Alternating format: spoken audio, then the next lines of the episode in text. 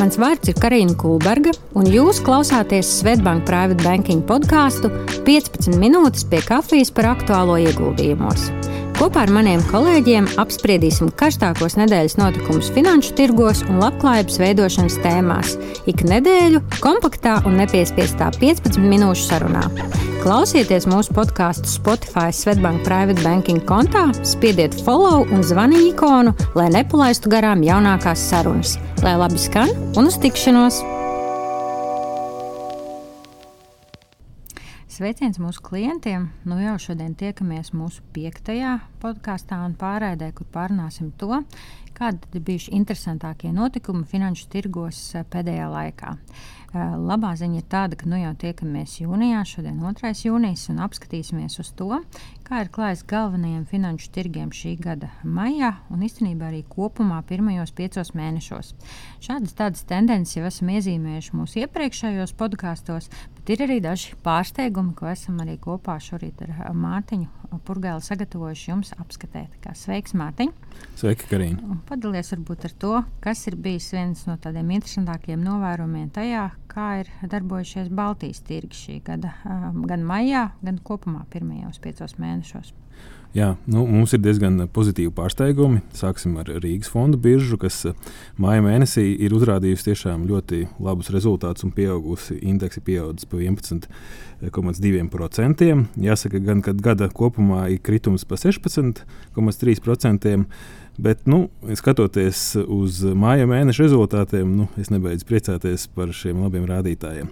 Jāpiebilst, gan, ka nu, Rīgas fonda birža tomēr ir salīdzinoši maza birža.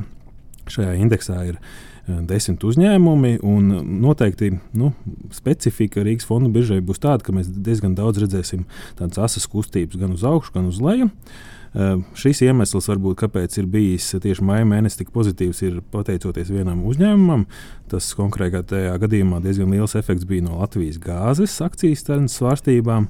Nu, jāsaka, gan arī, kad gada griezumā no paša gada sākuma šī uzņēmuma akcijas kontekstā to, ka tas ir nu, gāzes uzņēmums, viņam arī bija diezgan liels svārstības uz leju. Nu, šobrīd ir tāds kā acitiens, tas arī devis tādu vienu no nu, pozitīvākajiem rādītājiem mūsu reģionā. Nu, prieks arī runāt par Baltijas reģionu, jo nu, šie ir uzņēmumi, kur mēs nu, braucot mājās, varam redzēt, cik daudz viņi strādā, cik mājās strādā. Šis ir vienmēr bijis tuvs, tuvs, tuvs tirgus, ko pa, papētīt.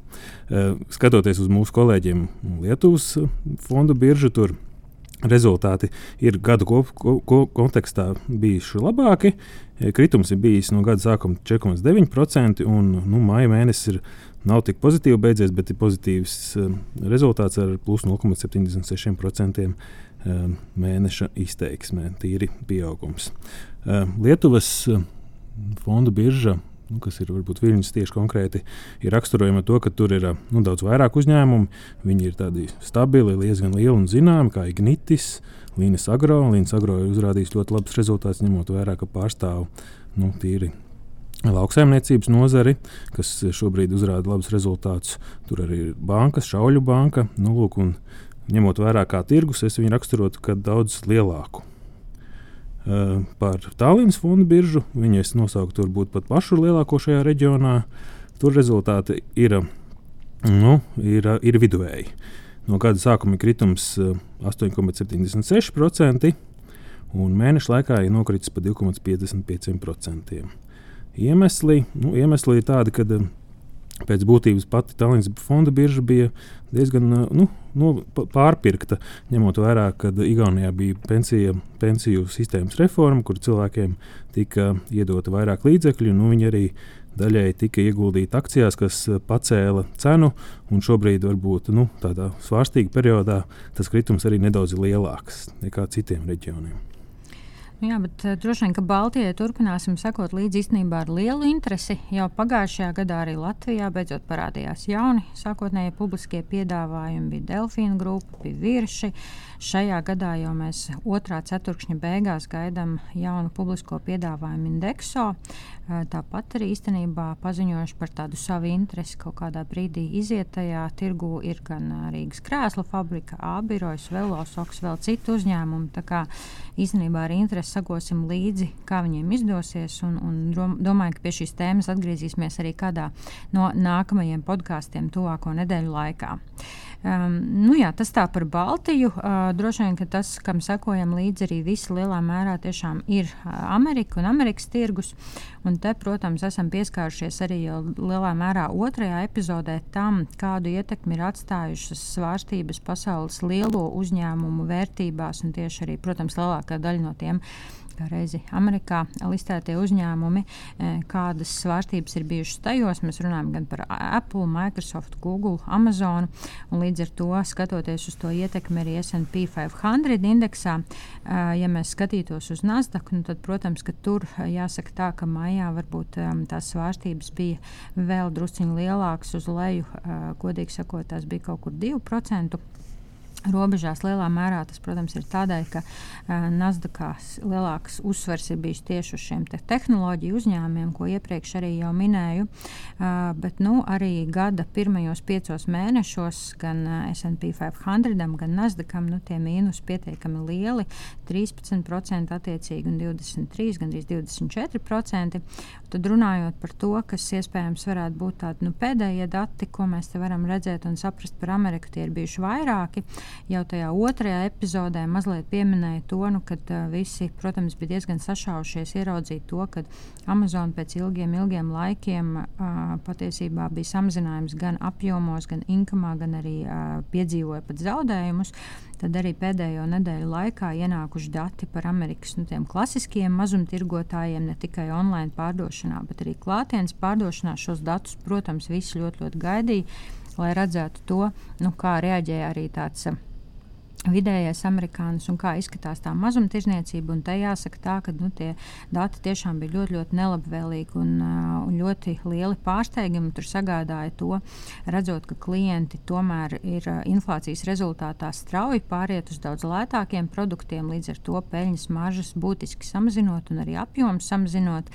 Tā, piemēram, tāds uh, milzīgs kā Targets Amerikā piedzīvoja to, ka vienu mēnešu laikā akciju vērtība nokritās par 32% arī Walmartam par 17%. Līdz ar to šis Amazon teiksim, stāsts, kur viņiem pusgada kritums bija 29%, nu, patiesībā tādā ziņā ir sekojuši arī šie klasiskie mazumtirgotāji, norādot uz to, ka pircēji ļoti, ļoti ātri piemēro savus patēriņu grozus tam, sajūt šo pieaugušo cenu ietekmi.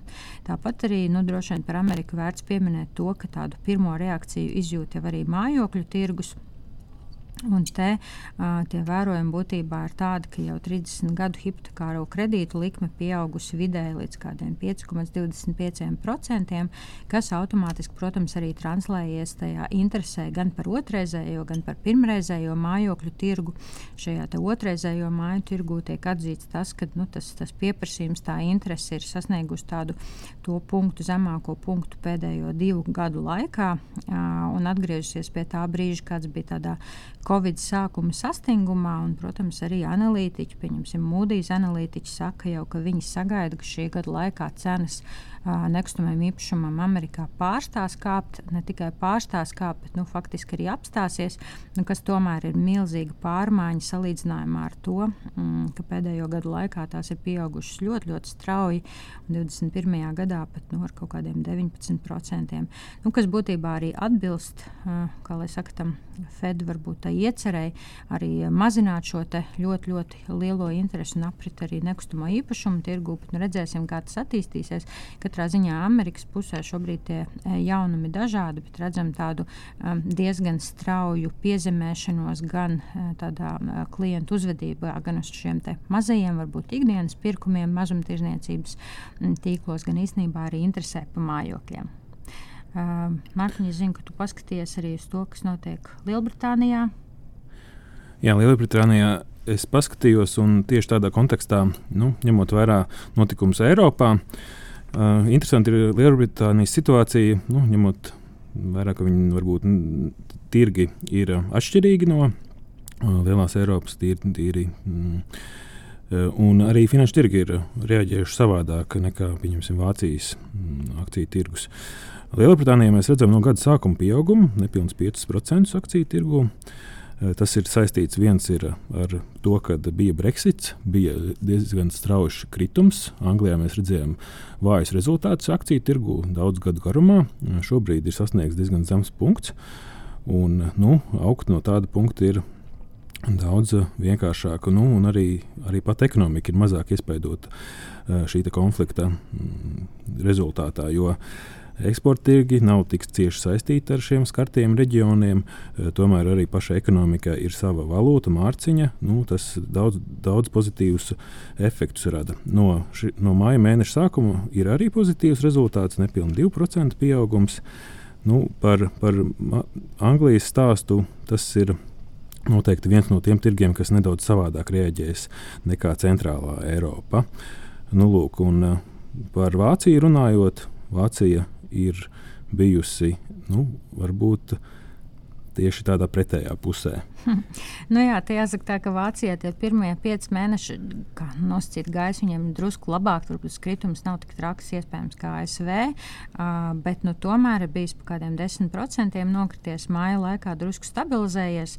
Tas, kas man paši interesē, paskatīties, nu, kur tad ir bijuši tie vislabākie performeri šajā te, uh, DAX indeksā. Tur jāsaka, ir tādi klasiskie, klasiskie lielie milži, kā piemēram Bayers, nu, kur būtībā vērtība pat ir pieaugusi par kādiem 40%. Tur ir Deutsche Telekom. Tie lielākie mīnusi uh, pirmajos piecos mēnešos ir bijuši tādiem ļoti izteiktiem, varbūt Covid laika, kā nu, teiksim, tādiem izaugsmes stāstiem, kā piemēram tāds uzņēmums kā Delivery Hero uh, vai Zelando, kas ir, uh, nu, vai arī Hello Fresh, kas viss ir saistīti ar tādu, nu, teiksim, Delivery Hero, protams, tieši ar pārtiks piegādi, vai Hello Fresh um, ar, ar, ar, ar maltīšu piegādi un tādu sagatavošanu. Bet nu, jāsaka, tā, ka, protams, tie kritumi diemžēl ir bijuši arī tādiem lielajiem, milzīgiem starptautiski zināmiem kā Siemensam. Nu, šogad ir mīnus 15%, Volkswagenam mīnus 34, Didis mīnus 37. Nu, tā kā tā performance noteikti bijusi e, vājākā, protams, e, protams, tiem, kas ir varbūt tiešām m, mm, bija tādi uzkāpuši pārlieku iespējams augstu tieši Covid laikā, bet jāsaka, arī kopumā skaidrs, ka lielie uzņēmumi cīnās ar šo pieaugušo cenu un inflācijas, kā arī piegāžu ķēžu jautājumiem un problēmām, kas lielā mērā atkal atsitās pret Ķīnu kur savukārt varbūt tās ziņas pēdējās nedēļās ir bijušas labākas nekā cerēts.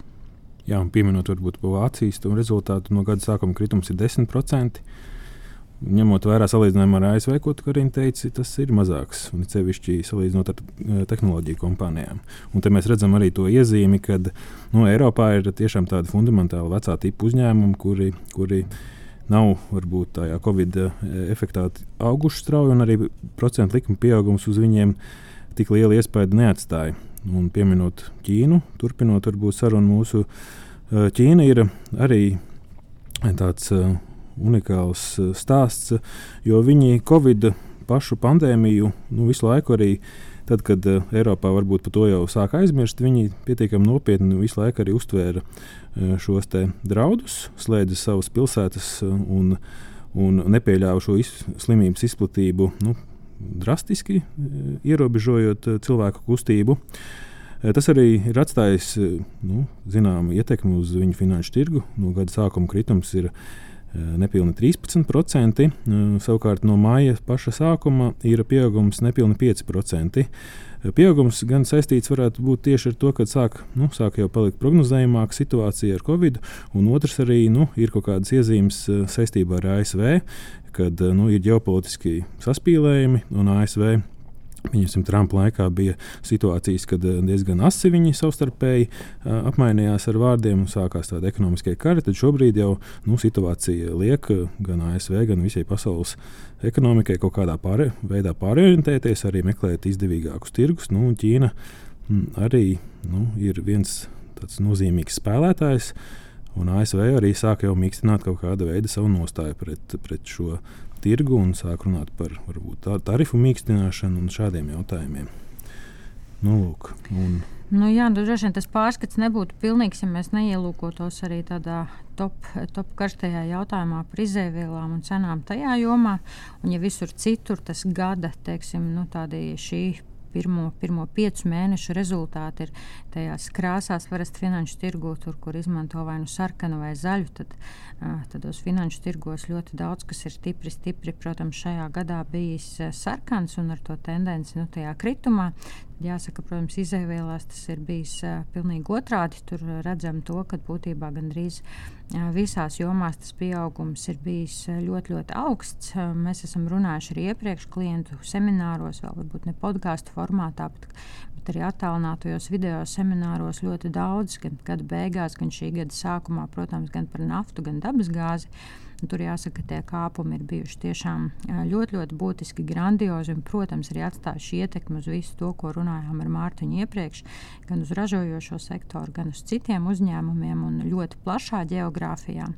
Um, tad varbūt viena tāda iezīme, ko redzējām maijā, savukārt zelta jomā, nu, kur zelts kopumā eiro izteiksmē piecu mēnešu laikā bija audzis kaut kur pa procentiem, astoņiem. Tad mājā redzējām, ka tur bija tāda stabilizēšanās vai pat drusciņa kritums. Līdz ar to nu, iespējams kaut kāda reakcija uz to, ka kaut kādas tik sliktas ziņas varbūt nebija tajā momentā. Bet, nu, kā zinām, šobrīd mēs dzīvojam šajā laikā, kad visu laiku, katru dienu patiesībā ir ļoti interesanti sekot līdzi, kādi ir tie notikumi un kādi ir tie paziņojumi.